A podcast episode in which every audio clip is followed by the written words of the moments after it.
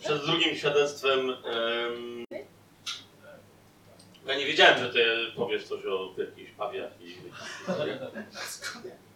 Pytamy się, czy się odważę, no bo się odważyłem. Dobrze, dobrze, dobrze. Mieliśmy, słuchajcie, modlitwę w Krakowie i to było ile? Dwa tygodnie temu?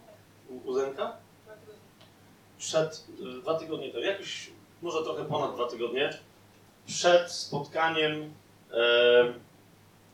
kościołów domowych. E, takim wspólnym, dużym spotkaniem kościołów domowych w Krakowie. Na które to spotkanie Dwa lata temu, jak się modliliśmy o to, żeby coś takiego było e, możliwe, to się modliliśmy w zasadzie w takiej ekipie, jak tutaj widzicie, tak? Weronika, jej mąż, którego tutaj dzisiaj nie ma, Madzia, ja i jeszcze tam może ze dwie osoby, tak? Myśleliśmy, że jesteśmy jedynym wtedy kościołem domowym e, w Krakowie, tak? E, wczoraj spotkaliśmy się z ludźmi, e, też, którzy się wtedy z nami, nawiasem mówiąc, modlili w nocy do nas przyjechali i mówili właśnie jak wygląda sytuacja u nich w kościele, w zasadzie w kościołach domowych, które wychodzą w tym momencie mnożąc się z ich kościoła, tak? Jak wygląda sytuacja u Weroniki, e, ale na tym spotkaniu kościołów domowych się pojawiło wiele kościołów, które nie, wy, nie w ogóle nie wynikały z naszej służby w Krakowie, tylko po prostu pojawili się, bo się dowiedzieli, że w ogóle są inne kościoły domowe w Krakowie. Myśmy też się dowiedzieli, że są inne. Wyobraźcie sobie, nie, to było pierwsze takie spotkanie, teoretycznie drugie, ale w zasadzie takie oficjalne to pierwsze. Było ponad 130 osób, ja dobrze mówię? Ponad 130 osób na tym spotkaniu, z czego większość tylko reprezentowała swój kościół domowy, tak? W sensie dwie, trzy osoby to cała reszta nie mogła być, bo coś, tak? Następnym razem już mówili, przyjdzie nas więcej. Więc jeżeli macie 130 osób, gdzie dwie, trzy osoby reprezentują większy kościół domowy, to rozumiecie, co się dzieje? E, a to są tylko kościoły domowe takie, które nie są, wiecie, grupami domowymi należącymi do jakiegoś zboru. To są zupełnie, wiecie, autonomiczne, niezależne kościoły domowe, tak? W związku z innymi kościołami, bardzo szukające jedności z całym ciałem Chrystusa, ale. I teraz o co mi chodzi? Tak, przed tym spotkaniem modliliśmy się. Eee, co Bóg chce, żeby powiedzieć tam wtedy tym ludziom, jak usługiwać, co, po prostu co On chce zrobić dla nas podczas tego spotkania. I e, jedna osoba, właśnie nawiasem mówiąc, z którą się wczoraj e, spotkaliśmy, Paula, miała wizję, która myślę, że jest wizją e, w ogóle dla Kościoła na, naj, na zbliżający się czas, dla Kościoła, który będzie doświadczać przebudzenia, więc dla Kościoła w Polsce. Ja już od paru miesięcy, gdziekolwiek się nie pojawiamy e, na zaproszenia tam rozmaite, mówię wyraźnie, że nie, nie przyjeżdżamy zapowiadać przebudzenia w Polsce, ale przebudzić ludzi, którzy już są w kościołach, już są nawróceni, żyją z Panem Jezusem, do, żeby sobie uświadomili, że przebudzenie już jest w Polsce. Ok? Ono nie przychodzi jak, wiecie, jedna gwałtowna fala, która na nas 30-metrowa przybędzie, spadnie i, i pozabija. Przychodzi tak, jak często przychodzi tsunami, a więc wiecie, naj, po prostu najpierw się pojawia trochę wody, tak? ona się wlewa coraz głębiej, coraz głębiej w ląd i jej poziom gwałtownie zaczyna się w pewnym momencie podnosić. Wiecie o co mi idzie, tak? To nie jest fala, to jest zupełnie inaczej przychodząca fala. I my w tym momencie już, ta, ta, ta, ta woda Ducha Bożego i przebudzenia, która miała do Polski przyjść, ona już przyszła. Teraz tylko trzeba być przygotowanym na to, że ona się gwałtownie podniesie. Jak słyszę, no, nie, w ogóle nie, no teraz się odważyłeś, tak?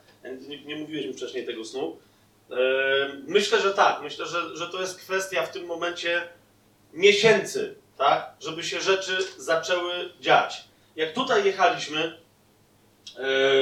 od paru tygodni y, miałem się zapoznać z proroctwem y, naszego przyjaciela e, e, Reinharda Hitlera, y, Austriaka, który teraz po posłudze w Austrii i w Stanach Zjednoczonych teraz pracuje w, teraz pracuje w Brazylii. Ktoś kojarzy postać? Hitler, zaznaczam, nie Hitler. Okay. Hitler. Ale właśnie.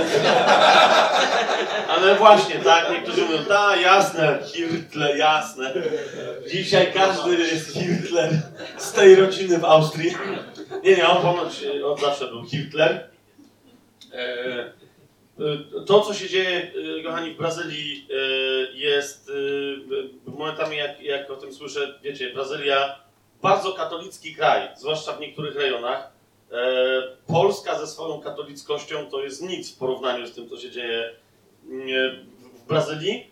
E, I e, na przykład e, słyszymy e, parę tygodni temu, że w wyniku ewangelizacji prowadzonej przez kościoły domowe, tak, które są związane z taką, z taką dużą e, grupą kościoła, nie pamiętam jak on się nazywa, w którym, Wine Church, to właśnie, w którym tam Reinhardt posługuje, ale wyobraźcie sobie przez służbę kościołów domowych, nie wielką krucjatę, tak? Nie, wiecie, stadion, że coś tam się dzieje, ale przez służbę ludzi jeden na jeden, głoszących tak jak ty mówiłeś teraz, tak?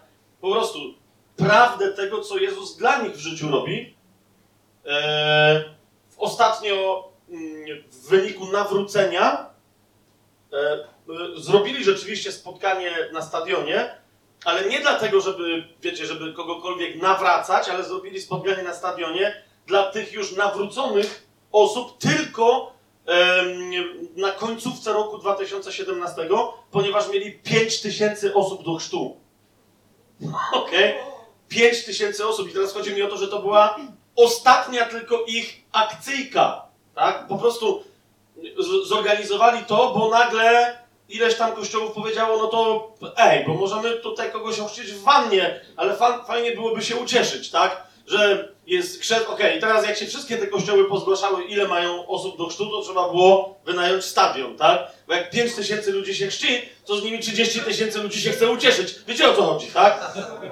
Szał. I teraz, i teraz, ale co jest ważne, bo między innymi właśnie Reinhardt jest, to nie jest jedyny taki znak dla Polski już od jakiegoś czasu. Ma, wie- wiecie, fantastyczną służbę w Brazylii. Ma teraz dodatkową służbę z tego, co rozumiem, że to się już zaczęło, tak? Pół roku będzie w Brazylii, teraz pół roku będzie pracować najprawdopodobniej w Zambii, w Afryce, przygotowując misjonarzy, którzy są gotowi, rozumiecie, z całego świata misjonarze, ludzie tacy jak ty czy ja, którzy są gotowi jechać do państw muzułmańskich i innych, ale zwłaszcza muzułmańskich, w których dzisiaj zagłoszenie Ewangelii jest natychmiastowa kara śmierci. Tak? I teraz rozumiecie, są ludzie, którzy mówią, chcę tam jechać, tylko nie znam arabskiego. I y, w Afryce, w Zambii powstaje taki kampus przygotowujących tych ludzi do tego, żeby mogli pojechać i skutecznie głosić Ewangelię, ze świadomością, że to się w każdej chwili może skończyć śmiercią, tak? Wiecie, nie, nie powstaje kampus, który nakłania ludzi do tego, ale to była koncepcja odciągana i odciągana, aż ilość ludzi, którzy chcą pojechać, żeby głosić Ewangelię, bez oglądania się na swoje życie, urosła do takich rozmiarów, że wiecie, ciężaru, ciężar tej grupy wywarł wpływ i powstała. Dobrze, no to w takim razie będziemy was przygotowywać, tak? I, I widzicie, mimo tego, co się dzieje na świecie, Reinhardt przyjeżdża do Polski i nie jest jedyną taką osobą, bo Bóg go do tego zmusza w kółko, tak? Mówi, przyjeżdżaj do Polski, ponieważ w tej części świata, w Europie mówiąc yy, konkretniej, teraz jest kolej na Polskę. Przebudzenie mogło się zacząć dla Europy dla innych części świata, idąc z Europy, od innych krajów, tak? Była tam moja łaska, ale nie wzięli. To jest to, o czym wczoraj mówiłem. Łaska za łaskę, łaska za łaskę. Jeżeli jakiś ym, naród, tak? Jakiś naród w jakimś kraju, bo są kraje, które są złożone z paru narodów, wolał zostać w starej łasce, to Bóg czasem czeka, a czasem nie czeka, ponieważ ma do załatwienia sprawy, że się tak wyrażę, dwuznacznie niecierpiące zwłoki. Tak? Więc Bóg zostawia zwłoki, żeby sobie same cierpiały, a idzie z łaską, z zaproszeniem W tym śnie było, że 3,5 roku będzie czekał. gdzie indziej. No właśnie. I teraz, e, 3,5 roku jest dalej jak helikopterem na ścinanie tych skrzydeł. no, no i teraz, i teraz, bo teraz cały czas zmierzam do tych twoich ptaków, tak? Żebyście zobaczyli, jak, jak to jest szeroko zakrojona wizja, tak? Więc Reinhardt na początku tego roku dostał, będę teraz się rozwodził na temat jego wizji, tak? Ale, bo to jest proroctwo, które myślę, że możemy, kto będzie chciał, to możemy wam przesłać, tak? Przynajmniej po angielsku, albo nie wiem, to przetłumaczę i potem jakoś to zrobimy. A już przetłumaczył ktoś. Okej, dobra. E, ponieważ jak, jak dostał wizję taką proroczą na, na zbliżający się rok, w ogóle dla, dla chrześcijan na całym świecie, później bardzo interesująca rzecz się wydarzyła, e, jakby Bóg mu zwrócił uwagę, że chyba nie do końca precyzyjnie wysłuchał o co mu chodziło i go budził w ciągu jednej nocy paręnaście razy, tak, o określonych e, godzinach, powiem, w określony sposób i potem mu wyjaśnił, co to znaczyło, tak. Bardzo taka e, ciekawa prorocza e, noc. Ale, ale jest rzeczą ewidentnie z tego, y, co, co Bóg między innymi jemu pokazał, wynikającą, że w tym roku rzeczy wszędzie tam, gdzie, ym, zwłaszcza w tych miejscach, które będą kluczowe dla przebudzenia, dla planów Bożych na najbliższy czas, wszędzie, między innymi w Polsce, jak sądzę, rzeczy będą przyspieszać. Tak? Wszystko będzie przyspieszać. Zwłaszcza dla osób wierzących rzeczy będą przyspieszać. Dzisiaj, po wczorajszym całym dniu, a przed dzisiejszym całym dniem, mówię Wam, y, jeżeli jesteś wierzącą osobą i chcesz iść za Panem, chcesz przechodzić z chwały w chwałę, łaska za łaskę, tak? Zostawić łaskę wczorajszego dnia, wziąć łaskę dzisiejszego dnia i tak dalej, to spodziewaj się tego, że rzeczy zaczną przyspieszać.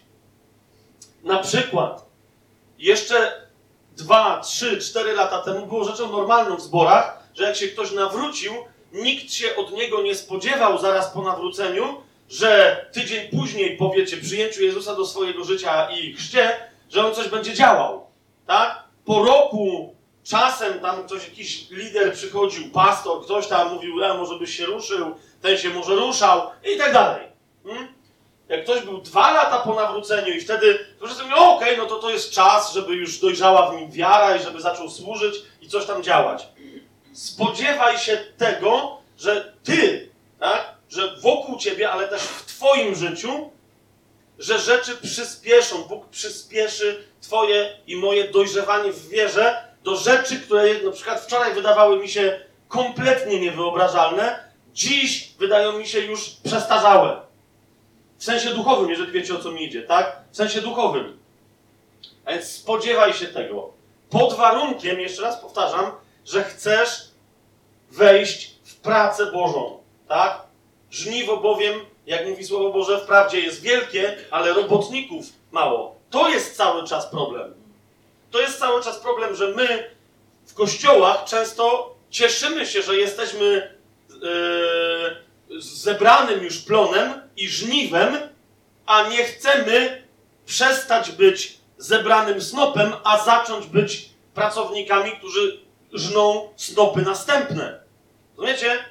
Żniwo w Polsce jest wielkie. Ludzi gotowych do tego, żeby przyjąć nowe życie od Pana Jezusa, żeby zacząć to nowe życie z Nim, zupełnie nowe, jest mnóstwo, tak? Ludzi gotowych do nawrócenia jest mnóstwo, ale nikt im nie głosi. List do Rzymian, tak? Wiara bowiem rodzi się ze słuchania. Ale mówi, czego mają słuchać, jak im nikt nie głosi? To jak się ma rodzić ta wiara? Polska jest krajem, w którym się głosi religię. Publicznie, bezczelnie, bez ogródek. Największe bzdury, rozumiecie, trafiają do telewizji, potem inny, z punktu widzenia innej religii, nawet która może nie wyglądać na religię, zaczyna gadać, rozumiecie, i kłócą się. Wszyscy w Polsce się kłócą religijnie. Te zwierzchności i władze, które zwodzą Polskę jako kraj i jako naród, są zwierzchnościami, są demonami religijnymi. Czy to będzie y, stricte duchowość i religia, czy to będzie polityka. Zauważcie, albo ludzie tworzą ze swoich koncepcji dogmaty wręcz religijne, albo inni im wmawiają, że tworzą religię. Zauważcie, co się dzieje. Zauważcie, co się dzieje. Swoją drogą, ci, którzy są oskarżani o tworzenie religii, wygrywają wybory i tak dalej. Tak? Im lepszą, kto ma religię do zaproponowania w tym kraju, tym chętniej ludzie ją łykają. Ale to samo jest w sztuce, sztuce, w popkulturze, w finansach, w biznesie. Na każdym kroku, kto z Was ma do czynienia z tego typu rejonami, zobaczcie, jak na każdym kroku wygrywa coś, co najprościej rzecz ujmując nazwałbym sekciarstwem. Takiego czy innego rodzaju, tak? Niektórzy nazywają to układami, niektórzy, ale prawda jest taka, że wpływ wywierają grupy, które nawet niekoniecznie mają wspólny interes, ale wspólnie wyznają jakieś dogmaty. ok? I ci się wspierają.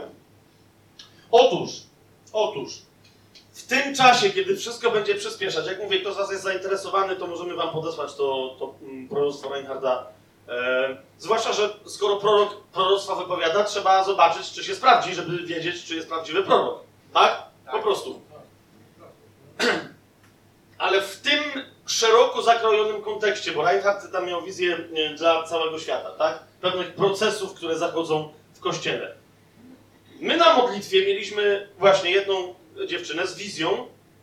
Myślę, że też dla całego kościoła, ale ona jest ważna na najbliższy czas. Dla nas w Polsce mnie to nie interesuje, czy Chińczycy ją, wiecie, przyjmą i według niej zaczną żyć.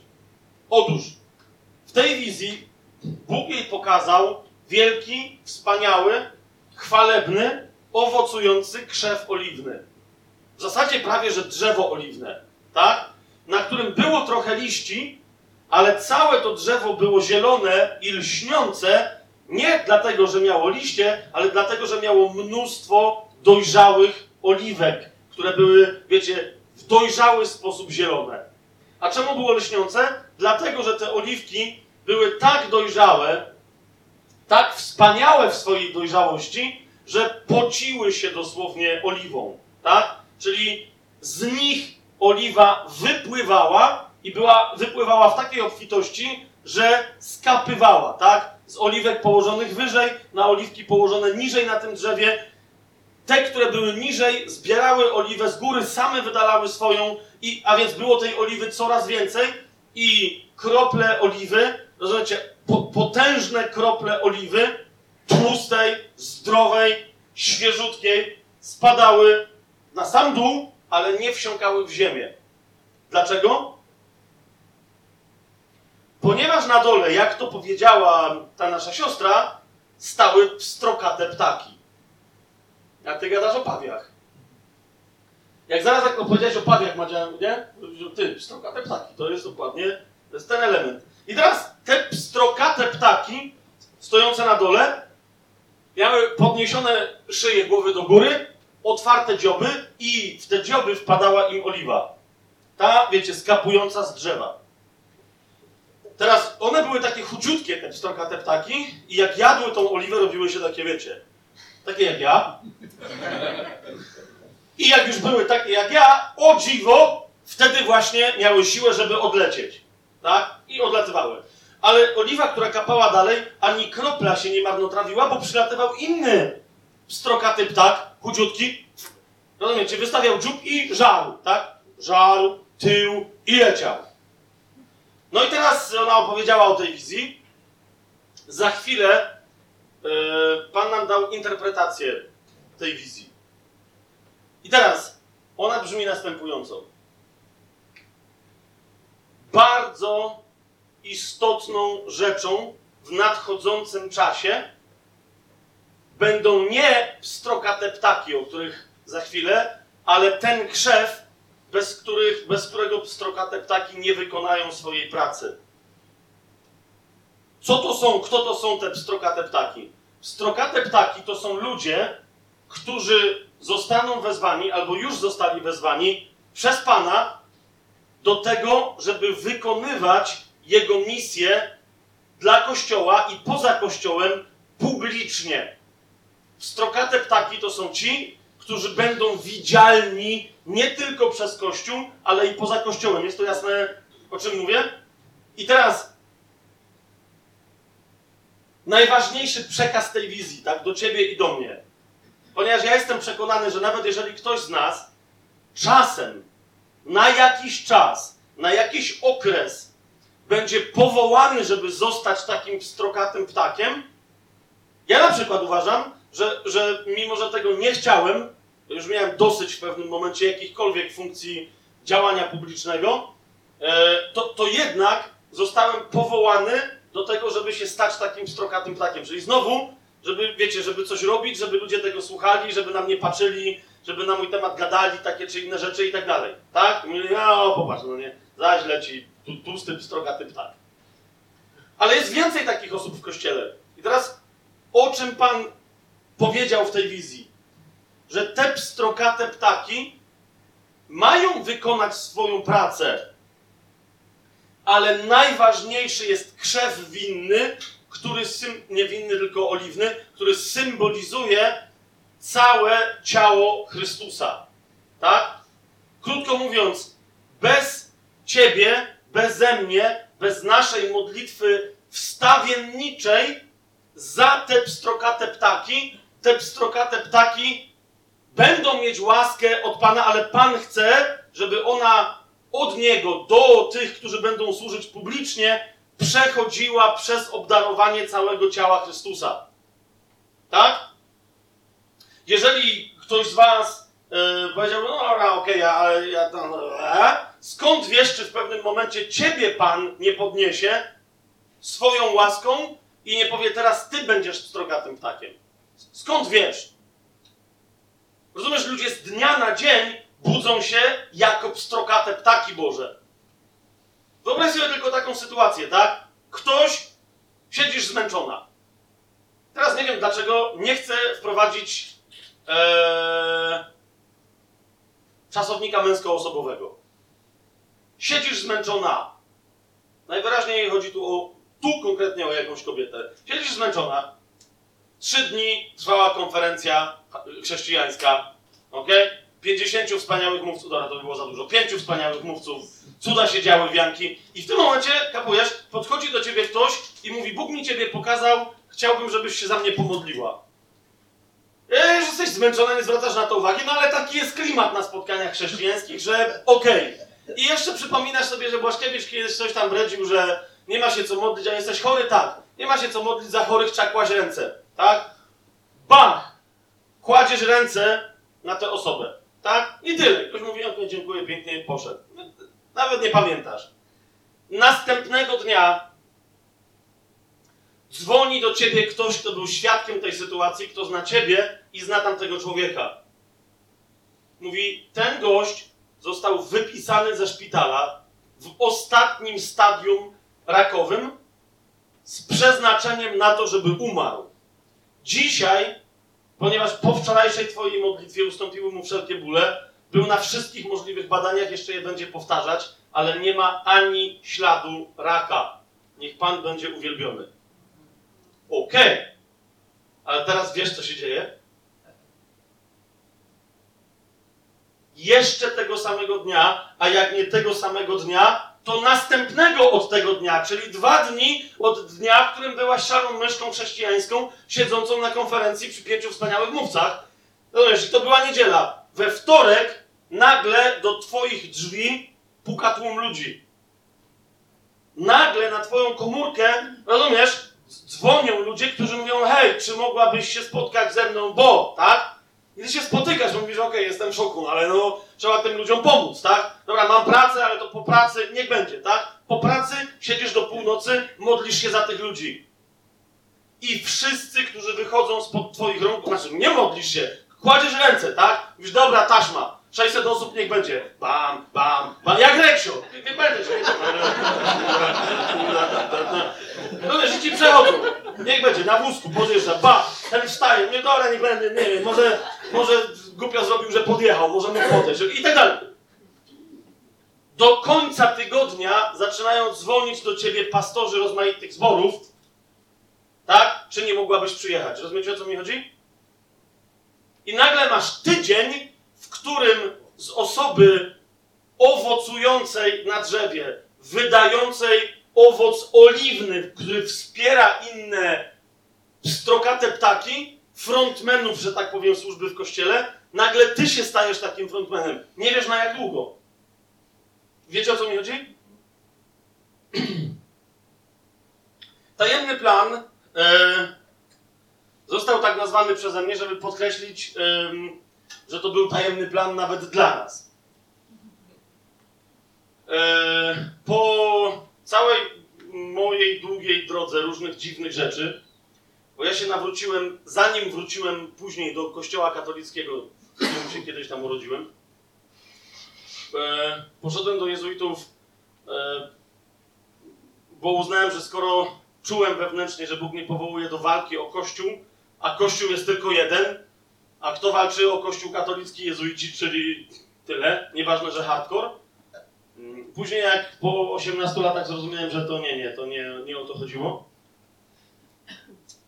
Znaczy rozumiałem wcześniej, ale, a, ale się bałem e, odchodzić. Później jeszcze działy się inne historie w moim życiu, bo uznałem, że skoro już y, nie mogę działać, wiecie, w kościele, to znaczy, że Bóg tyle skończył łaskę dla mnie i już nie będzie błogosławić jakiejś służby. Potem się okazało, e, że e, moja żona, e, góralka z Limanowej, niezbyt mm, wierząca, ale bardzo religijna, w sensie takim, że wiecie, niespecjalnie na przykład musiała chodzić w niedzielę do kościoła, ale nie było bolca, żeby przeszła obok kościoła, nie przeżegnawszy się, albo przynajmniej ukłoniwszy, bo wiecie o co mówię, o czym mówię, tak? Nie chcę teraz obrażać ludzi z południa, sam jestem z południa i moja żona też, ale tam często y, problem polega na tym, nie, że ludzie są wierzący, a nie praktykujący, a odwrotnie polega na tym, że są praktykujący, ale nie wierzący. Tak? Na, naprawdę. Chodzą do kościoła regularnie i tak dalej, uprawiają różne tam historie, ale potem, wiecie, wywołują duchy, tak? Oni widzą sprzeczności. Publicznie są religijni, prywatnie sobie wierzą w coś innego. Są dwie różne historie. No ale właśnie, Bóg mnie przytrzymał, żebym na moją żonę zaczekał. Yy, tak a propos yy, yy, właśnie chrzczenia, to właśnie Madzia mnie ochrzciła, nie ja ją. Y, we- zaczekałem ja na nią, Bóg mi kazał na nią zaczekać i tego samego dnia się chrzciliśmy. To był 30 stycznia, zaledwie dwa lata temu. A propos, wiecie, szybkiego dojrzewania, tak? 30 stycznia 2016 roku. Swoją drogą tam jeden tylko człowiek z nami był, chrzest był zupełnie fantazja. Tak jak to miejsce mi się podoba, jest kompletnie areligijne, tak? E, piwo pszeniczne, żytnie, Whisky. Wódka 340 ml, 8 zł. Rozumiecie? Czas! To rozumiem. Jest. I, i, I najbardziej w tym wszystkim genialnie niereligijne jest to, że się możemy z tego śmiać, bo nikt nie potrzebuje. Tak? E, Elegancko. Wszyscy tam na dole wiedzą, że tu są tak dziwni ludzie, że i tak im nic z tej szafki nie wezmą. No nie? Czujecie taką akcję. Ale ten chrzest nasz też był, też, też był zupełnie niereligijny. E, Na basenie, na którym miało nikogo nie... Znaczy, taki mini basenik, e, 6 czy 7 metrowy, na którym miało nikogo nie być. Jeszcze jeden tylko takiego brata, wspólnota jedna, Kościół Domowy Cieszyński wydelegował, żeby przy tym naszym chrzcie asystował. Pojawiliśmy się na tym baseniku, a na tym baseniku jakiś gość przygotowywał się do olimpiady. Nie wiem jak to inaczej nazwać, rozumiecie? Na przestrzeni 7 metrów w te i we w te płynął kraulem jak motorówka. I jak żeśmy weszli, on już płynął. I jak żeśmy wychodzili, on dalej płynął, rozumiecie, przez godzinę. Obok nas. Jak no, już się tam zaczęli w tej wodzie modlić, uznając, że go... To nagle okazało się, że rozumiecie, nie dość, że płynie krałem jak motorówka, to i tak na nas patrzy, no nie? Co my tam robimy? No ale to jego problem. Więc taki był y, nasz y, chrzest. Najpierw była ochrzczona Madzia, jak już była ochrzczona, napełniona Duchem Świętym, wszystko gra. Nie widzieliśmy żadnego problemu, żeby wtedy ona asystowała przy moim chrzcie. Ja zresztą tak chciałem, tak? Jak ma być prawda, jak ma być zgodnie ze Słowem Bożym i kompletnie niereligijnie, to właśnie tak chciałem. Ale teraz sobie wyobraźcie sensację, yy, wyobraźcie sobie sensację, jakbyśmy wieczorem przyjechali do tej wspólnoty, która wydelegowała jednego gościa, żeby tam nam towarzyszył na tym, na tym basenie. On wchodzi razem z nami, a oni wiecie, nie wiedzieli, kim my jesteśmy. Nikt nie wiedział, tak? I mówi, hej, poznajcie Madzie. Wszyscy, okej, co się tak drzesz? E, kto z was tak miał? 45 minut po swoim chrzcie o siłach księdza katolickiego. I wszyscy wiecie, wow, no, gość tutaj stoi. Aha. No tak było. Inna rzecz, no dobra, nie komentować. Madzi chrztu, bo to była historia sama w sobie. Nie? I e, wyobraźcie sobie, że zaraz, po, a propos szybkiego dojrzewania, zaraz dosłownie po tym chrzcie, e, oczywiście historia, wiecie, mojej duchowości, studiowania Biblii i tak dalej, to jest jedno, chrzest wodny to jest granica, którą kiedy się przekroczy, dzieją się zupełnie inne rzeczy. Nie chodzi o szaleństwa duchowe, ale o wreszcie moc ducha przewyższającą siłę ciała, ciągnącą do grzechu i śmierci, je- jeśli rozumiecie, ci, którzy są ochrzczeni, o co, o co mi idzie. I teraz dosłownie zaraz po chrzcie spotkałem się ze znajomym, który zadzwonił, że potrzebuje pomocy. I wiecie, ja myślę tak, to jest na pewno ten moment. Teraz jak już jestem ochrzczony, wszystko, aha, na pewno on przyjdzie umierający i go uzdrowię w galerii. A jak go uzdrowię, a w tej galerii jest fontanna, to go tam ochrzczę. On przyszedł, ale okazało się, że nie jest chory, więc byłem rozczarowany. E, dodatkowo e, miał problem bardzo poważny, ale finansowy, straszny, tak? Straszny problem finansowy. Teraz mówię, ja wiem, że teraz to, co gadam, zabrzmi wam bardzo dziwnie, ale no okej, tak było. E, zacząłem się z nim modlić, kompletnie rozczarowany, że on miał być chory i umierający, a nie z problemem finansowym. Co prawda ten problem finansowy zawisł ciężarem nad nim, nad jego życiem, jego rodziny, ale no wciąż miał być umierający, a nie i teraz pomodliłem się razem z nim. Proroctwo, które dla niego dostałem, było, chociaż chłop naprawdę nie miał, y, nie miał pieniędzy. Po prostu wtedy. Biznesmen i tak dalej, ale znalazł się w takim momencie takiego krachu, że nie miał pieniędzy, tak? A ja miałem dla niego proroctwo, kup sobie najnowszego iPhone'a. Autentyk. Rozu- Rozumiecie, byłem tak przymuszony i on mówi, ale to jest ciekawe, mówi, bo właśnie się zastanawiałem nad tym, okej, serio chcesz mi jeszcze powiedzieć, że to jest prawdziwe proroctwo? Bo liczyłem na to, że ktoś mi powie, weź, że się stuknij w czerep, tak? O, szalałeś po tym chrzcie.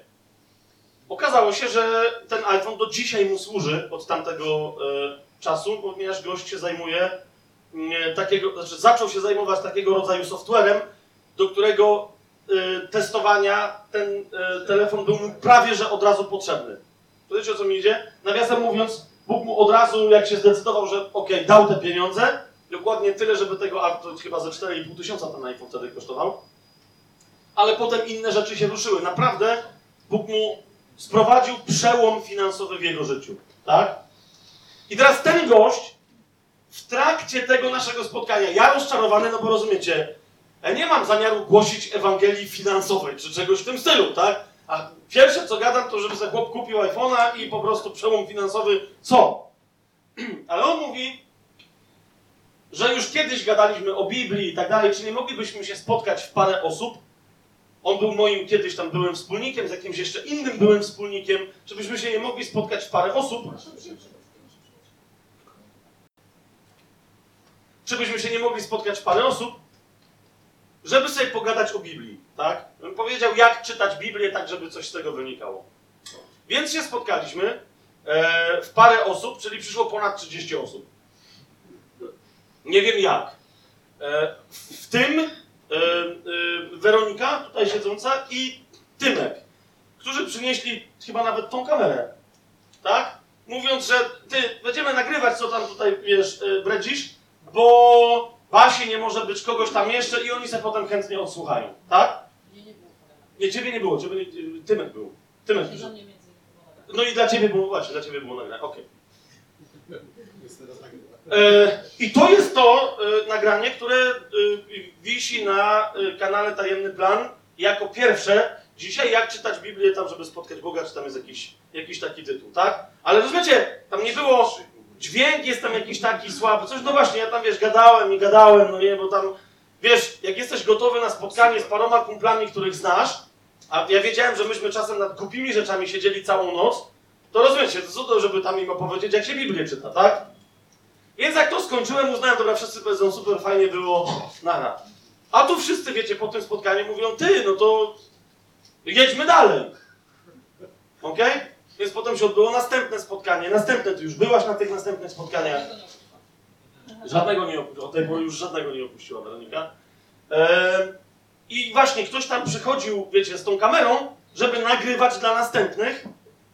W pewnym momencie brat Tymoteusza y, uświadomił nas, że jest XXI wiek i mówi, ej, ale nie świrujcie, że będziecie to potem zgrywać na płyty i dawać ludziom, zróbcie se kanał na YouTubie i tam każdy, kto będzie chciał, to sobie wejrzy, wejdzie, obejrzy i tyle, tak? Rozumiecie, to jest autentyczna historia powstania tego, tego kanału, tak? No właśnie, teraz i raz ci mówią, to ty, ale to trzeba jakoś nazwać, tak? Mówię, no to Wydaje się, że tajemny plan. No bo rozumiecie, uznałem, że po pierwsze jest to niezły tajemny plan, że mieliśmy się spotkać raz, a to się zaczyna jakoś tam dziać i tak dalej. A po drugie, bardzo mi się podobało to tłumaczenie e, słowa misterion greckiego w Biblii Warszawskiej w trzecim rozdziale e, listu do Efezjan, tak? Tam powinno być słowo tajemnica, ale to jest jedno, jedyne miejsce, gdzie naprawdę słowo tajemnica powinno być przetłumaczone jako misteryjny plan albo właśnie tajemny plan. I Brytyjka, która ma swoje zloty i upadki, tu akurat miała wzlot. Bardzo mi się to podobało, tak? Że super, niech będzie tajemny plan. I jeszcze, no wiecie, tam ktoś powiedział, ty, ale wiesz, bo to będzie publiczne, jak ktoś na to wejdzie i powie, że tajemny plan, to powie, że wiesz, teraz Błaszkiewicz poszedł w jakiś New Age i w jakieś ten, mówię, dobre, to zróbcie tak, zróbmy taki, taki, takie logo, no nie, takie wiecie, jakieś czarne, złote, jakiś taki litera T, mówię, normalnie to, to jest taw hebrajski, czyli krzyż, niech będzie, tak? Ale jak ktoś nas będzie chciał trollować, to my go strolujemy, będzie wtedy, że ej, list do Efezjan, trzeci rozdział, krzyż Pana Jezusa, o co ci chodzi, tak? Nawiasem mówiąc, później parę razy tak w komentarzach było, no nie, że a, Błaszkiewicz coś tam i ktoś zupełnie nam nieznany pisał mu pod spodem, ej stary, to jest Pismo Święte, no nie. Ale naprawdę, z początku to było trochę takie, poróbmy sobie jaja, tak? I potem nagle ktoś mi mówi, ty, e, pierwszy film zobaczyło 50 tysięcy ludzi. Ja tak, no okej, to są niezłe jaja, rzeczywiście.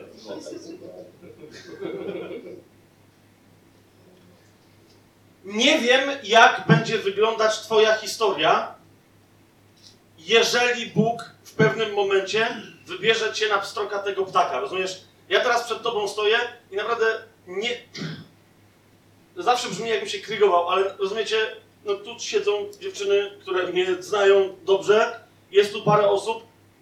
E, jak się zaczął tajemny plan, nie było mowy o tym, że gdzieś będziemy jeździć, tak? Spotykamy się, okej, raz na tydzień, robimy to nagranie, ja to przygotuję, ale potem służymy ludziom w Krakowie bez żadnego rozgłosu, każdy robi swoje, idzie do swojej pracy, do swojego biznesu i tak dalej, żadnej roboty.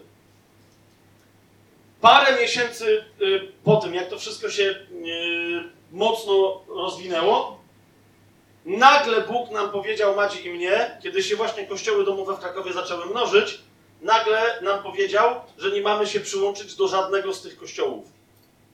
I byliśmy zdruzgotani. No, nie, nie wiecie, jak, jak to mamy się nie przyłączyć. Później nam dał dom zupełnie odległy, pod Krakowem, od pozostałych naszych wspólnot. I pytaliśmy Pana, dlaczego, co, co, jak to, czy my mamy jakiś nowy kościół zakładać, co się stało, tak? I zaraz po tym, jak się tam przeprowadziliśmy i pogodziliśmy się z tym, że okej, dobra, Twoja wola, Panie, wtedy pojawiły się zaproszenia i Bóg nam powiedział, przyjmijcie te zaproszenia, które Wam pokażę.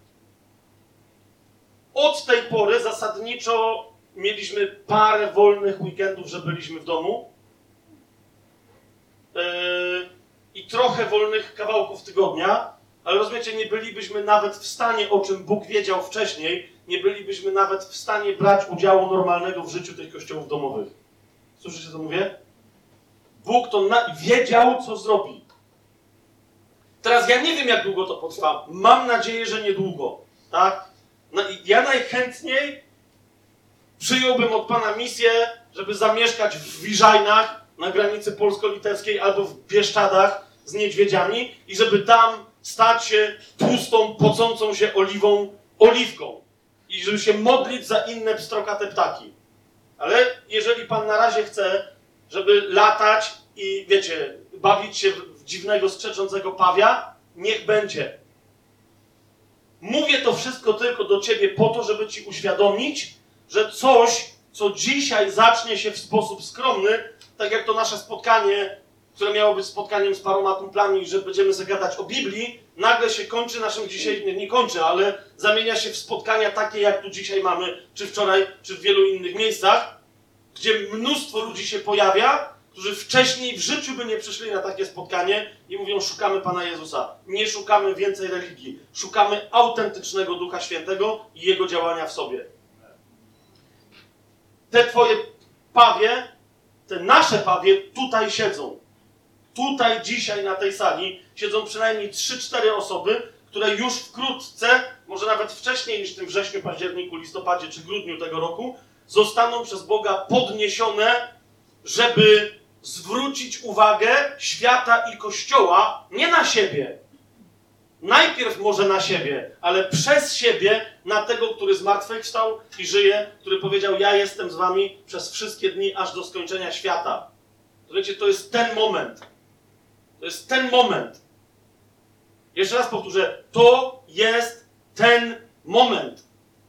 Kościół rzymskokatolicki i to jest żaden mój komentarz pro, czy anty, czy jakikolwiek. Stwierdzam tylko fakt. Zdaję sobie sprawę, co się dzieje. Z nominalnych katolików, z tego, jak były rzetelnie, bo w Kościele katolickim są prowadzone nierzetelnie badania i y, dla właściwego rozeznania rzetelnie prowadzone. Według nawet tych nierzetelnie prowadzonych, ok, więc te rzetelne będą jeszcze, przypuszczam, bardziej ym, smutne, z nominalnych katolików do kościoła w miarę regularnie co niedzielę chodzi tylko do 30% z nominalnych katolików, a teraz uważajcie, z tych 30% góra do 20% praktykuje sakramenty. Rozumiecie, co to oznacza? To oznacza, że realnie ludzi, którzy żyją, wyznają e, katolicyzm jako taki w tym kraju, w którym cały czas się mówi 90% ludzi to są katolicy, te, tego typu ludzi to jest maks 10%. Tak? 10-15% to jest maks. Cała reszta, rozumiecie, już nie może wytrzymać. Macie całe młode pokolenie ludzi, którzy tak się zrazili do religii, bo w szkole się uczyli religii, że dzisiaj nawet niekoniecznie wierzą w ateizm, ale wolą mówić, że są ateistami, niż się ośmieszać, że wierzą w jakieś bajendy e, opowiadane przez księdza na religii. Wiecie o co mi chodzi? Czy przez kogoś innego, niekoniecznie księdza, niekoniecznie na religii katolickiej. W tym kraju dzisiaj dosłownie parę milionów ludzi woła o zbawienie i nikt im jeszcze nie głosi. A jak głosi, nawet jak głosi prawdę ewangeliczną, o to mi chodzi. Nawet jak głosi prawdę ewangeliczną, to następnie zaraz za tą prawdą głosi swój mały kościelny grajdołek. Na tym polega problem. Nie jeszcze raz, żebym był przeciwny zborom, organizacjom, absolutnie nie. Ale jeżeli ktoś, łaknąc wolności dziecka Bożego, dostaje następnie przedszkole małego kościółka yy, 40-osobowego, zarządzanego przez trójkę oświeconych starszych, no to wiecie o co mi chodzi, tak? To, to wpadł z deszczu pod rynnę. Po prostu. Ym, rozmawialiśmy z paroma pastorami, ym, otwartymi w miarę, bardzo dobrymi pastorami, tak? I którzy, ale którzy po prostu, im bardziej byli otwarci, tym bardziej wprost mówili do nas, co wy robicie na tym tajemnym planie? Czemu ludzie, jak przychodzą od was do nas, tak bardzo nienawidzą Kościoła. No ja wiesz, słucham, to mówię, ale co ty, człowieku, jak, jak to, co się stało, tak? Opisuje mi cały proces. I teraz, po pierwsze, mówię, słuchaj, tajemny plan nie jest żadnym ruchem. Ja nie wiem, kto to ogląda na YouTubie, tak? Nie wiem, kto tego słucha na jakiś tam, nie wiem. Jeżeli ktoś słuchał tajemnego planu i przyszedł do ciebie do kościoła, to prawdopodobnie dlatego, że w wielu momentach, czy w nagraniach, czy w spotkaniach na żywo, mówię, nawracasz się, siostro, nawracasz się, bracie. My nie mamy żadnego kościoła, nie zakładamy żadnego ruchu, nie mamy ci nic do zaproponowania w sensie eklezjalnym. Nic. Więc szukaj sobie wspólnoty, społeczności takiego czy innego rodzaju. Pytaj Ducha Świętego, gdzie chcecie widzieć w ciele Chrystusa dzisiaj? Tam, gdzie mieszkasz. Tak? Więc, jeżeli do ciebie przyszli ludzie i powiedzieli, że słuchali tajemnego planu i przyszli do ciebie, to prawdopodobnie są to ludzie, którzy się świeżo nawrócili albo dopiero się nawracają i myślą, tak jak myśli wielu katolików dzisiaj, szukających prawdy i wychodzących z kościoła katolickiego, że nigdzie nie może być bardziej religijnie i nie może być gorzej w sensie hierarchicznym niż w kościele katolickim. A już zwłaszcza przecież musi być cudownie w kościele ewangelicznym, tak? I teraz katolik wychodzą, szukający wolności, cieszący się, ha, Jezus mnie zbawił, wreszcie mam życie, Duch Święty mnie porywa, ha! Przychodzi do kościoła ewangelicznego i mówi, o kurde, o, co ty?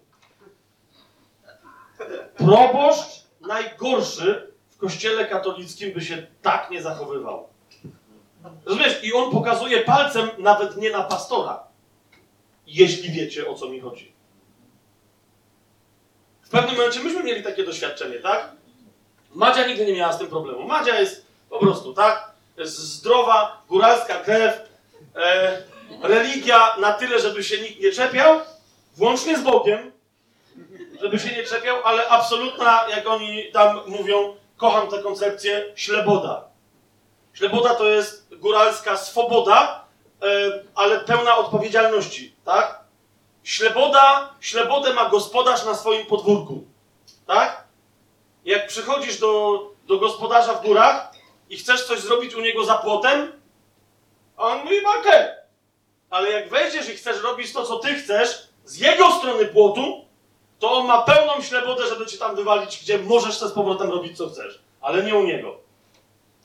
Więc śleboda. Ale ja mówiłem wam wczoraj o posłuszeństwie jezuickim, o tych wszystkich rzeczach. Tak? Jak się próbowaliśmy w pewnym momencie z Madzią przyłączyć do jakiegoś zboru kościoła yy, ewangelicznego i tak dalej, to bywało tak, że dosłownie wchodziliśmy na spotkanie, pierwszy raz w życiu widzę ludzi, tak? Setka ludzi, nie wiem kto jest kim, ledwo wchodzę i to jest po prostu coś takie... Taki ba... dobra, taki religijny duch, natychmiast, tak? Myślę, co, co, co jest grane? Przecież nie ma żadnego obrzędu, tu się nic nie dzieje, ale co jest? Jasno określona, pełna władztwa hierarchia. Do te, rozumiecie? A teraz jak ja przechodzę z takim uczuleniem z kościoła, e, nawet nie z kościoła, ale z zakonu, tak? W którym było to wykorzystywane, żeby manipulować ludźmi, że natychmiast mam detektor, tak? Więc siadamy, przychodzimy z Madzią, siadamy w czwartym czy szóstym rzędzie na 40, w miarę z przodu, siadamy. Madzia mówi, co ty taki jesteś spięty, jakbyś się dusił, tak? Ja mówię, "Mm, ale no, ten gość jest pastorem, tak? Ale tak patrzę, to jest główny pastor, czyli proboszcz. Ten, o, ten gość jest prawdopodobnie od młodzieży, tak? Ten gość jest tym, ten gość jest tym, ten gość jest tym. Rozumiecie? Proboszcz, wikary, rada parafialna. I teraz co się potem okazuje? Madzia siedzi i mówi, no jasne akurat, Duch Święty ci powiedział. I za chwilę się okazuje, główny pastor, pastor od młodzieży, ten od finansów, ten, po prostu, tak? Teraz, czy ja miałem objawienie Ducha Świętego na ten temat? Nie! Nie! Ale w kościele mnie nauczyli, że im bardziej ktoś wchodzi w ducha klerykalnego, i tego mnie nauczyli nawet bardziej ludzie świeccy w kościele katolickim niż duchowni, im bardziej ktoś wchodzi w ducha klerykalnego, tym bardziej ma, jak się w kościele katolickim mówi, brewiarzową gębę.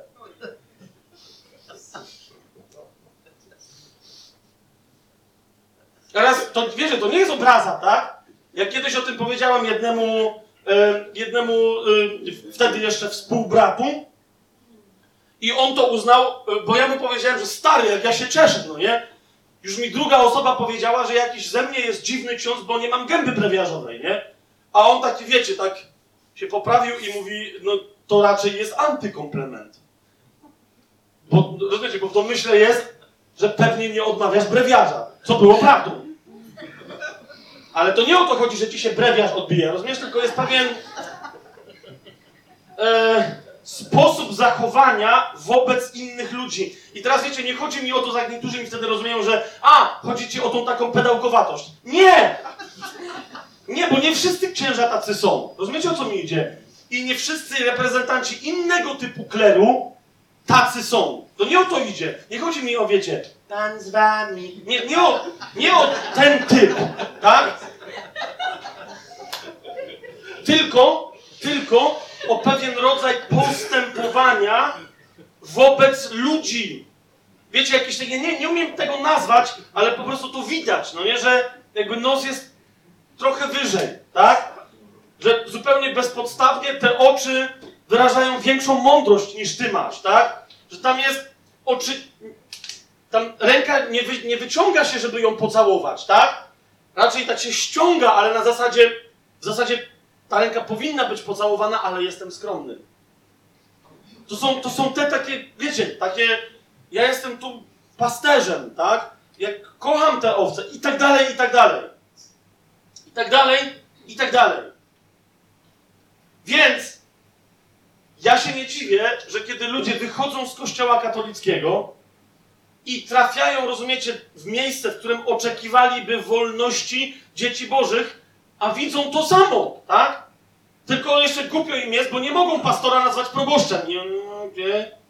Ale znam takich, którzy zostali zrugani przez pastora, bo niechcący powiedzieli do niego proszę księdza. Odruchowo, rozumiecie, tak? Ktoś podchodzi mi, proszę księdza, e, pastorze, no ale już poszło.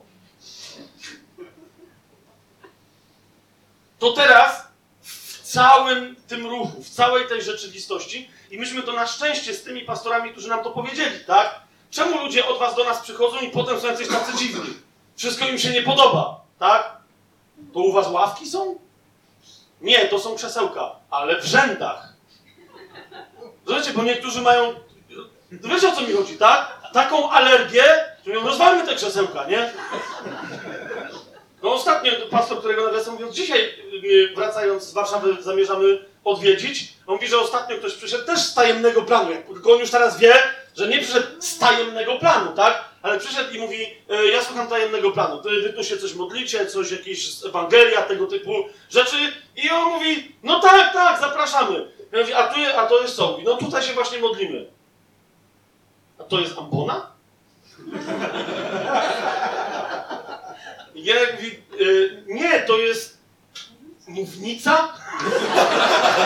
A gość nadal mówi, to wy macie mównicę? Ktoś tu przemawia? I tak dalej. Jeszcze raz. Ze względu. Potem się okazało, że chłop został, usłyszał nauczanie, zobaczył jak się modlą i mówi: Wow, to jest to, oceniłem po pozorach, tak? Mównica czasem nie przeszkadza. Może nawet być amboną. Spoko. Ważne, żeby Duch Święty działał. I działa, tak? Więc został w tym kościele. Ale uważajcie, jestem przekonany, że z podnoszącą się falą przebudzenia w Polsce będzie mnóstwo ludzi, którzy nigdzie nie wylądują i po drugie, sami zobaczycie już wkrótce, jeżeli tylko będziemy wierni temu, co Duch Święty chce zrobić, że ludzi będzie za dużo, żeby się pomieścić w już funkcjonujących teraz takiego czy innego rodzaju zborach ewangelicznych. Rozumiecie? Te zbory są przygotowane, na, jeżeli powiedzmy jest zbór, który ma 100 osób, to jest przygotowany dzisiaj maksymalnie, żeby przyjąć ewentualnie 50 więcej lub drugie 100 osób, ale już nie więcej. Tak? To jak czasem właśnie, jak rozmawiam y, z, niektórymi, z niektórymi modlącymi się, panie, wzbudź przebudzenie w tym kraju. Ja czasem mówię, ty, ale czy, czy ty jesteś gotowy na to przebudzenie? Tak, jak najbardziej. I rozumiecie, I się okazuje, że on jest gotowy na takie przebudzenie, że ma 200 osób w zborze i jest gotowy przyjąć jeszcze 200, bo wtedy otworzą drugie nabożeństwo po południu. To też ja mówię, człowieku, ale to jest żadne przebudzenie. Tak? To jest chrapnięcie w nocy. Przewrócenie się na drugi bok. Żeby z 200 mieć 400 osób w zborze. Myślę, że przychodzi taki czas. Ja się cieszę, że w Polsce są pobudowane te nowe stadiony. E, jest taka masa restauracji, hoteli, tego wszystkiego, ponieważ jestem przekonany, że gdyby przyszło nawet tak potężne przebudzenie, jak już trochę ponad 100 lat temu w Walii, to to są miejsca, które są przygotowane na spotkania ludu Bożego. Rozumiecie, y, nie będę teraz się rozwijał na ten temat, ale w Walii doszło do takiego przebudzenia, że w pewnym momencie puby, y, y, tory do gonitw konnych, y, boiska i tak dalej były pozamykane, a w ciągu dwóch, trzech tygodni na powrót otwarte, ale nie żeby robić to, co wcześniej robiły, lecz żeby udostępniać swoje tereny dla ludzi, którzy chcieli głosić Słowo Boże, yy, chrzcić się, głosić Ewangelię, modlić się i tak dalej. Tak? Wszystkie te miejsca, restauracje, puby. Wczoraj Weronika, ty- nie pamiętam kogo tam cytowałaś, czy to ty gdzieś znalazłaś o tych yy, kopalniach. No mniejsza o to. A to Paula mówiła, okej. Em, Kopalnie na przykład przestały pracować w Walii, e, dlatego że górnicy, jak się nawrócili, wszyscy, przestali bić konie I przeklinać. i, i przeklinać. Rozumiecie? I konie nie wiedziały, co mają robić. Bo oni chcieli pracować, ale to rozumiecie, no gość podchodził, nie chciał bić konia, nie klął na niego i koń nie rozumiał.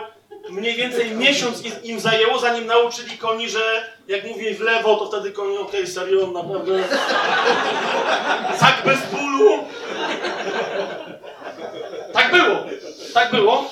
I co interesujące, mimo że przez miesiąc te kopalnie nie pracowały, bo górnicy się modlili i uczyli konie, jak mają na nowo reagować, mimo tego, rozumiecie, okazało się, że rentowność tych kopalni wzrosła.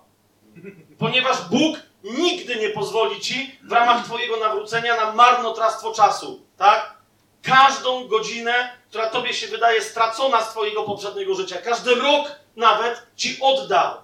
I dlatego mówię, spodziewaj się, że Twój czas przyspieszy, kiedy wreszcie powiesz Bogu, chcę żyć łaska za łaskę. Oddaję Ci łaskę wczorajszego dnia, nie ma dla mnie żadnego znaczenia. Daję Ci łaskę, chcę przyjąć łaskę dzisiejszego dnia. Jeden z takich ludzi, który jest dla mnie znakiem, y, jednym ze znaków, tak? Y, tego, że naprawdę jesteśmy na skraju wybuchu wielkiego przebudzenia w Polsce, to jest dr Richard William. Ym, ym, on jest oryginalnie, skąd on jest? Ze Singapuru? Skądś tam, tak? Wydaje mi się, że ze Sri Lanki, ale co on tam w życiu robił, to nie wiem. Był między innymi szkolony y, jeszcze w czasach ostrego y, komunizmu przez kościoły domowe podziemne w Chińskiej Republice Ludowej. I tam służył, tak? Y, y, Bogu i Kościołowi. I to jest jeden z ludzi, któremu Bóg wyraźnie powiedział, żeby przyjechał do Polski. E, Ponad półtorej roku temu w Polsce się spotkaliśmy, żeby przyjechał do Polski i żeby przypomniał e, w Polsce Polakom o tym, że jest przebudzenie, tak? Gość, który e, w tym momencie ma parę dziesiąt do obsłużenia kościołów na całym świecie, w tym przez internet jeszcze głosi co tydzień jakiemuś kościołowi w Chinach, tak? Bo teraz jest nowoczesna technologia. I jednak przyjechał do Polski i mówi, teraz wy, teraz, teraz u was. Razem z nim przyjechali ludzie z Indonezji, ze Stanów Zjednoczonych, z, z Hongkongu, Chińczycy, tak? E, We wrześniu e, w Krakowie mieliśmy spotkanie History Maker. Ktoś tam był e, z was? Okej.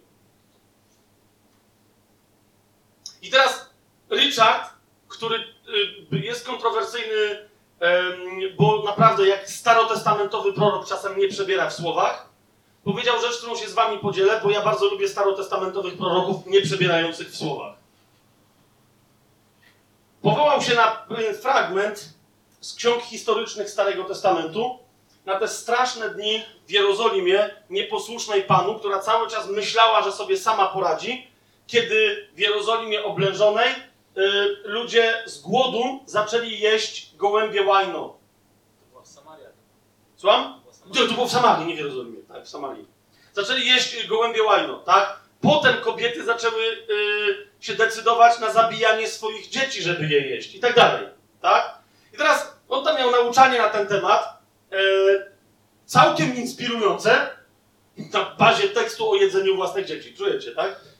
Ale naprawdę było inspirujące, niemniej w pewnym momencie a propos pozostawania dzisiaj i trzymania się dzisiaj łaski wczorajszego dnia, powiedział bardzo wyraźnie, że ktokolwiek, ktokolwiek, kto trzyma się łaski wczorajszego dnia, bo nie widzi działającej łaski Boga dzisiaj, bo jej nie chce wziąć, nie różni się absolutnie niczym od wygłodniałego człowieka, który z głodu je gołębie łajno.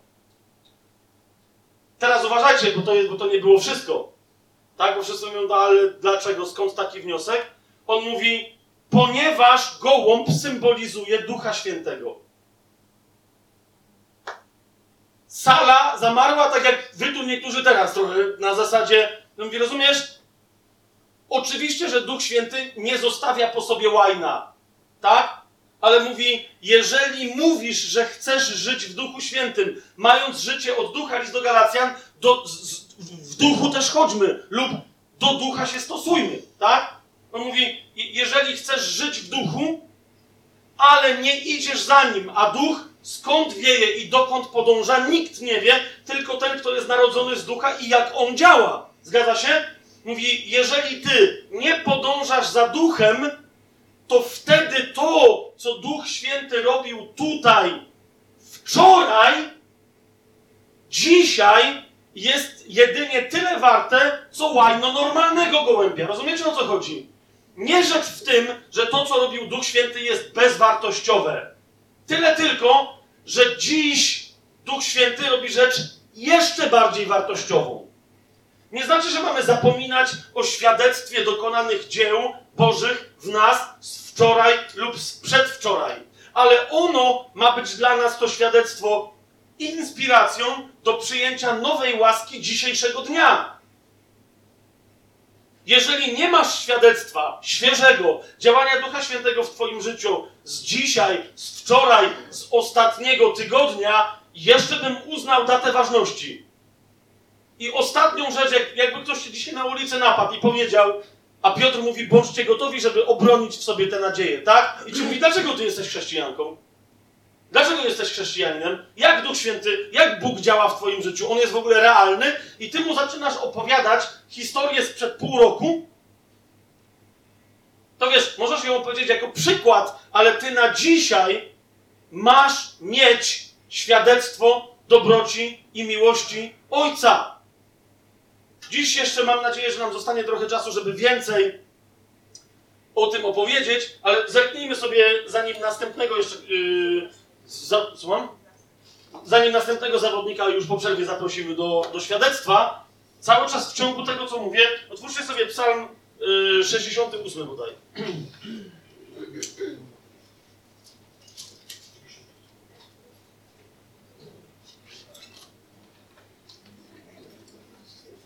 Psalm 68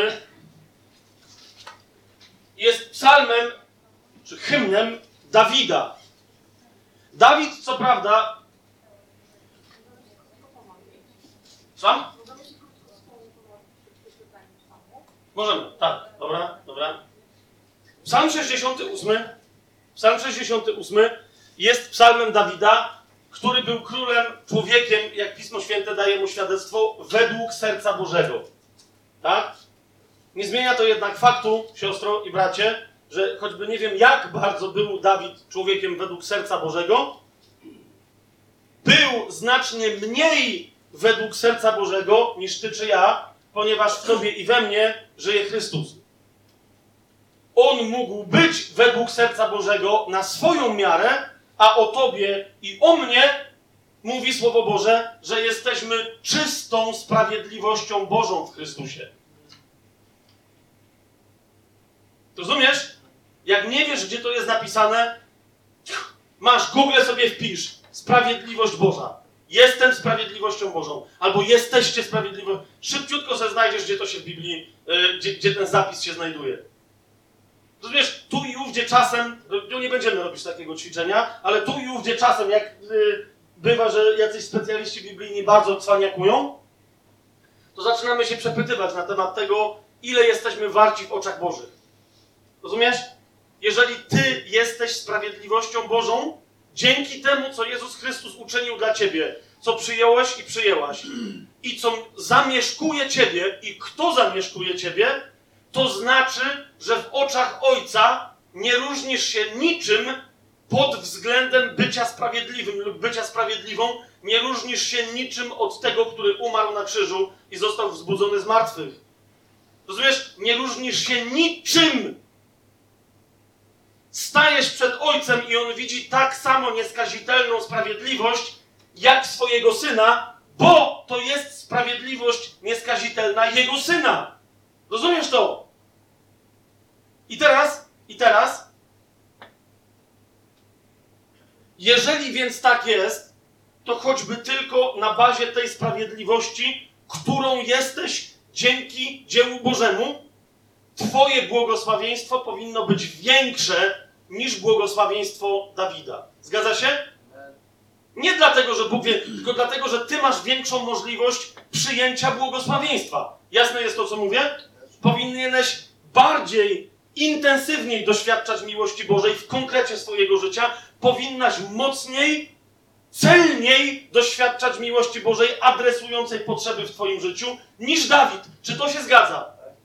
Okej, okay, to zanim zobaczymy, jak to powinno wyglądać w naszym życiu, idę za radą tutaj jednej siostry, pomódlmy się krótko, żeby to słowo do nas trafiło. Ok? Ojcze, w imieniu Jezusa Chrystusa, w mocy Ducha Świętego, dziękuję Ci za to dzieło, którego Ty dokonujesz we mnie, w moich braciach, siostrach, tutaj dzisiaj zgromadzonych, z którymi będziemy teraz czytać Twoje słowo do nas skierowane, które ma nas przebudzić. I proszę Cię, Ojcze, Ojcze, żeby w Twoim duchu zostało ono w nas wypowiedziane żeby nas przebudziło do tej czujności, w jakiej chcesz, abyśmy, póki chodzimy w tych ciałach na tej ziemi, byśmy żyli. I żebyśmy wreszcie zaczęli doświadczać tego, co nam się według Twojego prawa i Twojej sprawiedliwości w Twojej miłości należy. Amen. Ok, nie będziemy czytać całego psalmu. Ale zwróćcie uwagę na to, co Dawid, zauważcie, to jest jeden z mnóstwa tego rodzaju tekstów na temat Boga Ojca w Starym Przymierzu. W Starym Przymierzu. On mówi tak. Psalm 68 od czwartego wersetu. Zobaczcie, co, co, mówi, yy, co mówi Dawid. Śpiewajcie Bogu, śpiewajcie hymny Jego imieniu, wywyższajcie tego, który przemierza niebiosa. Jahwe to Jego imię. Radujcie się przed Jego obliczem. I teraz, dlaczego? Mówi, ojcem dla sierot i sędzią dla wdów jest Bóg w swoim świętym przybytku. Ojcem dla sierot to jest zrozumiałe. Jeżeli ktoś z nas jest osierocony, nigdy nie jest osierocony. Jeżeli przyjmuje za swojego ojca, staje się dzieckiem Bożym, przyjmuje zostaje przyjęty przez Ojca Niebieskiego. Sędzią dla wdów, sędzia w Izraelu to był ktoś, pamiętajcie, kto miał bronić yy, tego, kto się sam nie mógł obronić przed niesprawiedliwością. Jasne? Sędzia to nie jest nasz dzisiejszy sędzia, którego zadaniem jest tylko pilnowanie, czy sprawa odbywa się zgodnie z prawem. Jasne? Sędzia, pamiętajcie, sędzią w Izraelu był na przykład Samson, tak? który się nie zastanawiał, czy jest sprawiedliwe pobić oślą szczęką iluś tam set Filistynów, tylko ich pobił, ponieważ wiedział, że chcieli zrobić krzywdę jego ziomkom. I tyle. Więc jak mówi Dawid, że jest sędzią dla wdów, to nie znaczy, że ojciec chce wdowy osądzać, ale że on w miejsce ich umarłych mężów jest ich zabezpieczeniem, jest ich opieką, ich tarczą i ich mieczem. Rozumiecie o co chodzi? Idziemy dalej. Bóg samotnym daje dom. Dawid to stwierdza nie w żaden metaforyczny sposób, ale mówi wprost. W Starym Testamencie Dawid mówi: Bóg samotnym daje dom. W każdym rozumieniu tego słowa, bo w języku hebrajskim to oznacza i fizyczne domostwo, a więc mówiąc po angielsku, Bóg samotnym daje house, ale też Bóg samotnym daje home, tak? A więc miejsce, w którym czują się, że są w domu. Nie jak w domu, ale że są u siebie. Bóg to zapewnia. Więźniów uwalnia z okowów. Nieważne czego to są okowy, tak? Fizyczne okowy, okowy jakichś chorych, toksycznych relacji, okowy nałogu. Więźniów uwalnia z okowów. I tylko oporni mieszkają w suchej ziemi. Zauważ, Bóg chce błogosławić nawet opornych, a tylko dlatego oni nie mają błogosławieństwa, bo nie chcą go przyjąć od Boga. Pamiętacie potem Pana Jezusa, który mówi, że Ojciec tym samym słońcem świeci na złych i dobrych i deszcz spuszcza na złych i dobrych? Przyjdzie czas, kiedy jedni i drudzy będą osądzeni, ale Jego błogosławieństwo jest dostępne dla wszystkich, którzy chcą wziąć. I teraz moglibyśmy tak długo, ale chcę Was przeprowadzić do wersetu 19. Przyjmij go, przeraź się nim z zachwytu. A werset ten mówi: Błogosławiony Pan codziennie obsypuje nas swoimi darami Bóg naszego zbawienia. Sela.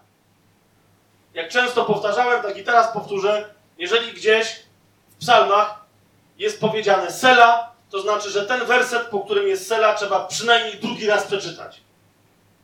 A zatem, błogosławiony, czyli szczęśliwy Jahwe, ponieważ codziennie obsypuje nas swoimi dobrami Bóg naszego zbawienia. Boga uszczęśliwia obsypywanie cię darami. Jak Słowo Boże mówi o obsypywaniu, to jaki masz widok?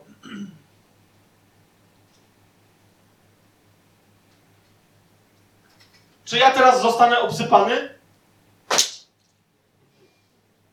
Nawet se w głowę nie trafiłem.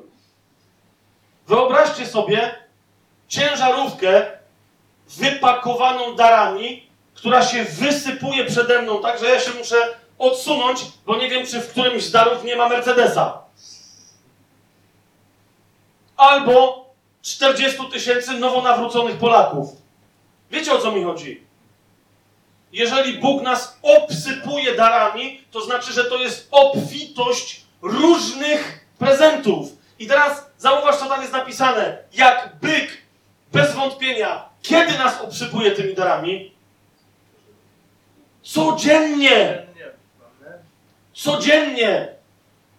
Nie masz prawa kłaść się wieczorem spać, jeżeli nie masz świadomości bycia obsypanym darami. Rozumiesz? Znaczy masz prawo, jeżeli lubisz ranić ojca, bo zauważ, jest napisane błogosławiony Pan. Błogosławiony znaczy, wszędzie gdzieś to słowo się pojawia, znaczy po prostu szczęśliwy. Obdarowywanie ciebie mnóstwem prezentów Boga uszczęśliwia.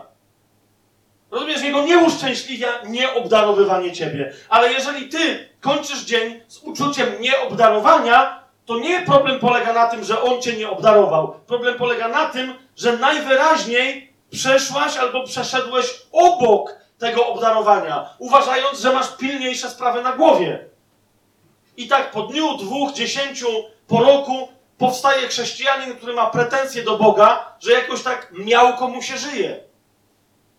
Jeszcze raz, jeżeli Dawid mówi z całą oczywistością, że Bóg jest taki, to najwyraźniej doświadcza codziennego obsypywania darami. Rozumiesz, dlaczego ci powiedziałem, o ile większą ty masz możliwość przyjęcia błogosławieństwa od Boga dzisiaj, będąc Jego córką i Jego synem z nowego narodzenia, jak mówi Ewangelia Jana, nie z krwi, nie z ciała, nie z woli męża, ale z Boga się narodziłaś i z Boga się narodziłeś. Jesteś Jego nie żadnym przybranym dzieckiem w Chrystusie, ale dzięki temu, co zrobił Chrystus, jesteś Jego naprawdę zrodzonym dzieckiem. Naprawdę, jesteś Jego osobistą córką i osobistym synem.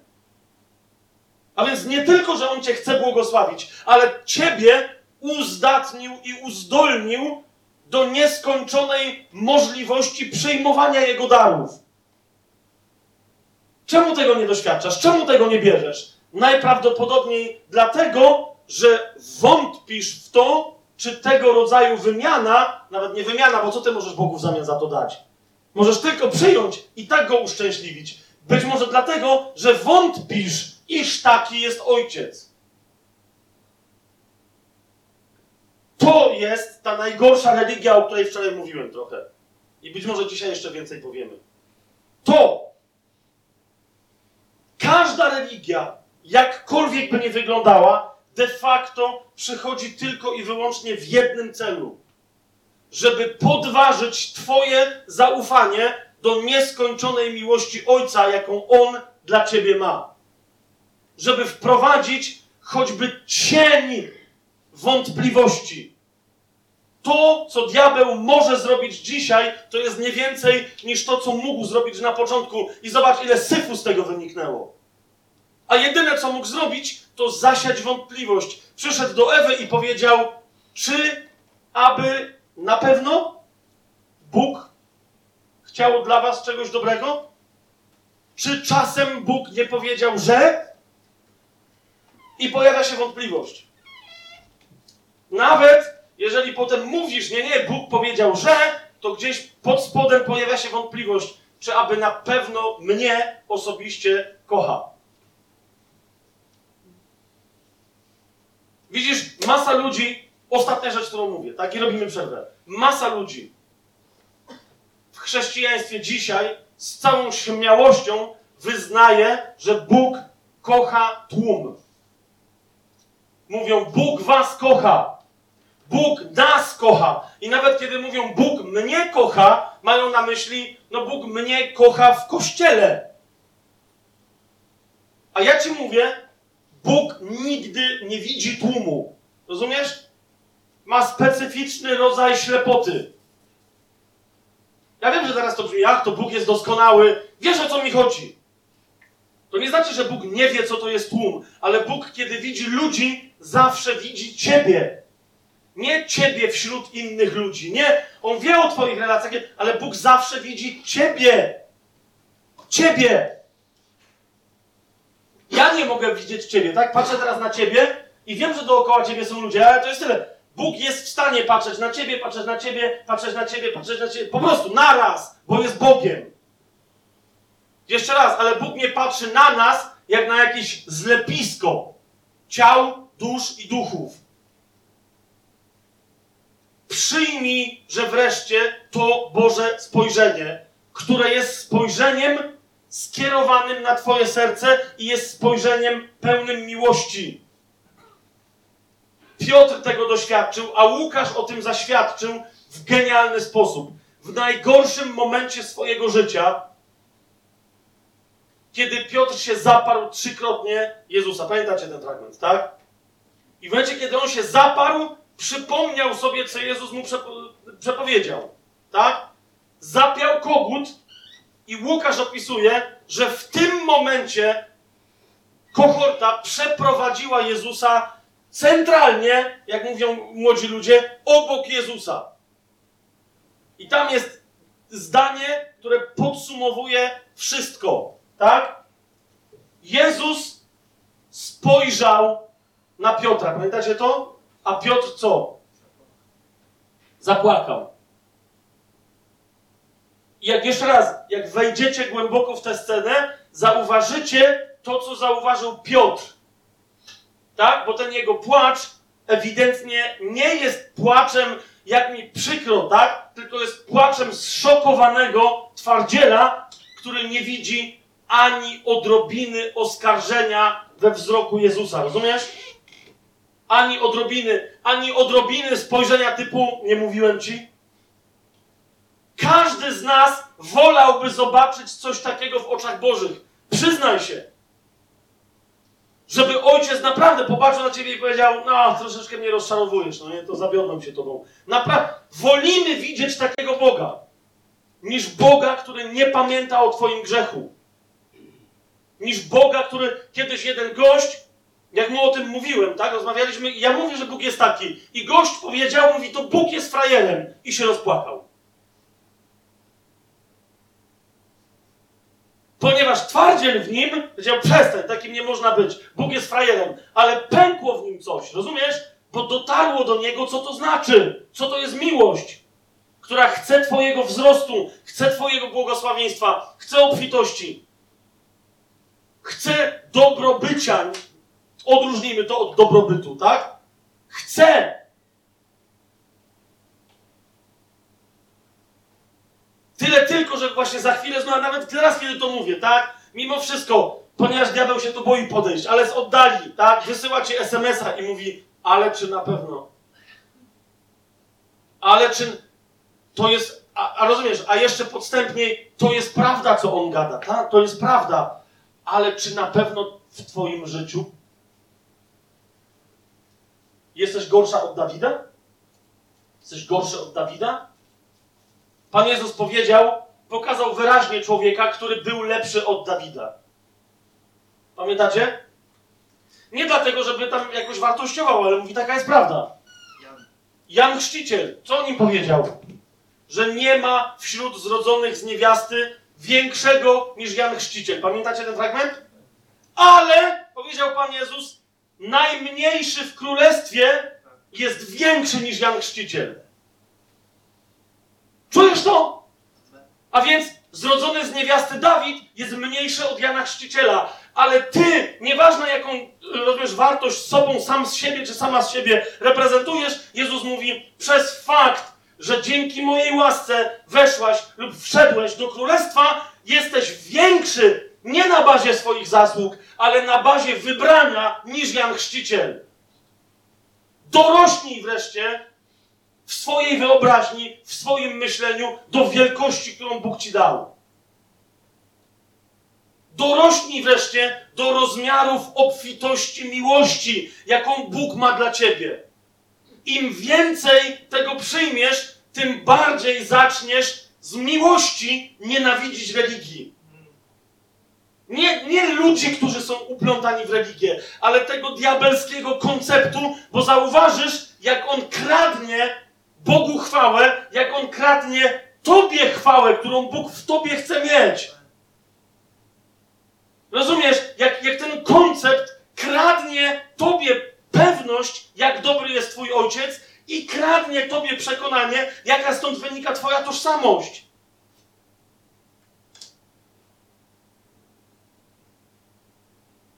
Czasem ludzie, kiedy się dowiadują, według mnie nic z tego nie wynika, ale się dowiadują prawdy na temat swoich rodziców. Rozumiecie, ja pracując przez ponad 20 lat, także na zasadzie czysto psychologicznej z ludźmi, pomagając im, widziałem parokrotnie cudowne ozdrowienia, wyjścia z depresji i tak dalej, które wynikały tylko z czego? Z tego, że ktoś, kto myślał, że jest jakimś szmaciarzem, cytuję, spłodzonym przez szmaciarzy, nagle się dowiedział, zupełnie nagle, kapujecie, że to nieprawda. Miał matkę, która nienawidziła jego ojca, przedstawiła, jakim nędzarzem ten gość był, a teraz ten odkrył, że jego ojciec zginął na wojnie. Był polskim żołnierzem, bohaterem narodowym. Kapujecie? Teraz oczywiście moje wewnętrzne pytanie brzmiało, no i co z tego? Twój ojciec był bohaterem, a ty jesteś kim? Wiesz o co mi chodzi, tak? Nie zmienia to jednak faktu, że, że temu konkretnemu człowiekowi to wystarczyło, żeby dosłownie w ciągu paru dni się odbudować, wstać i powiedzieć: Jestem synem polskiego bohatera. Nie mogę żyć jak jakiś cymbał. Rozumiecie? W ciągu paru dni wyjście z alkoholizmu, tak? Natychmiast wyczyszczenie toksycznych relacji z matką. Natychmiast! Przez, powiedział, koniec, nie będziesz mnie więcej wykorzystywać. Kłamałaś na temat mojego ojca, a swojego męża. Koniec! Rozumiecie, chłop w ciągu paru tygodni otworzył biznes, który do dzisiaj prowadzi z sukcesem.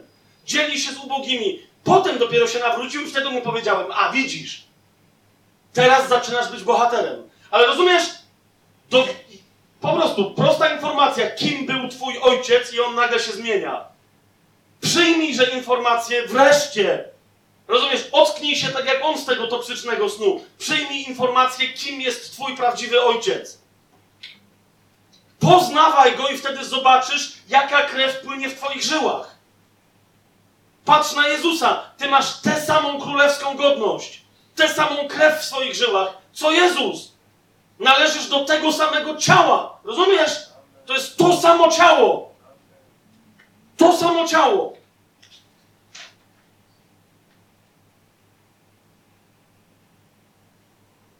Zauważ, Jezus w najgorszym poniżeniu stoi przed Piłatem, umordowany, tak? Poniżony, opluty, pobity, krew mu cieknie, śpiki z nosa. Pomyśl, co może cieknąć z człowieka, jak go bili całą noc i nie spał.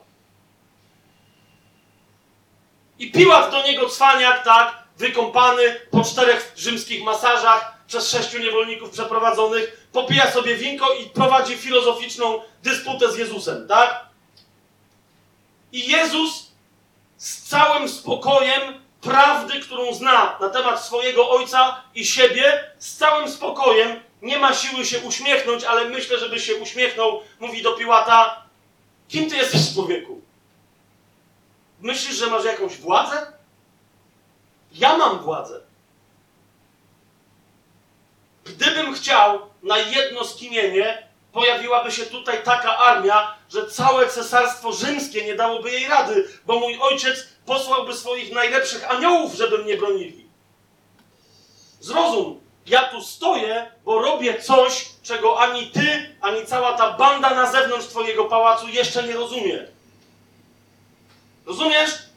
Spokój Jezusa, który wie kim jest, wie kim jest Jego Ojciec i jaką królewską misję wykonuje. Przyjmij, że wreszcie obdarowanie od Ojca i powstań w swojej godności, żeby zacząć z takim spokojem iść przez życie i dokonywać zmian, których Ojciec od Ciebie oczekuje.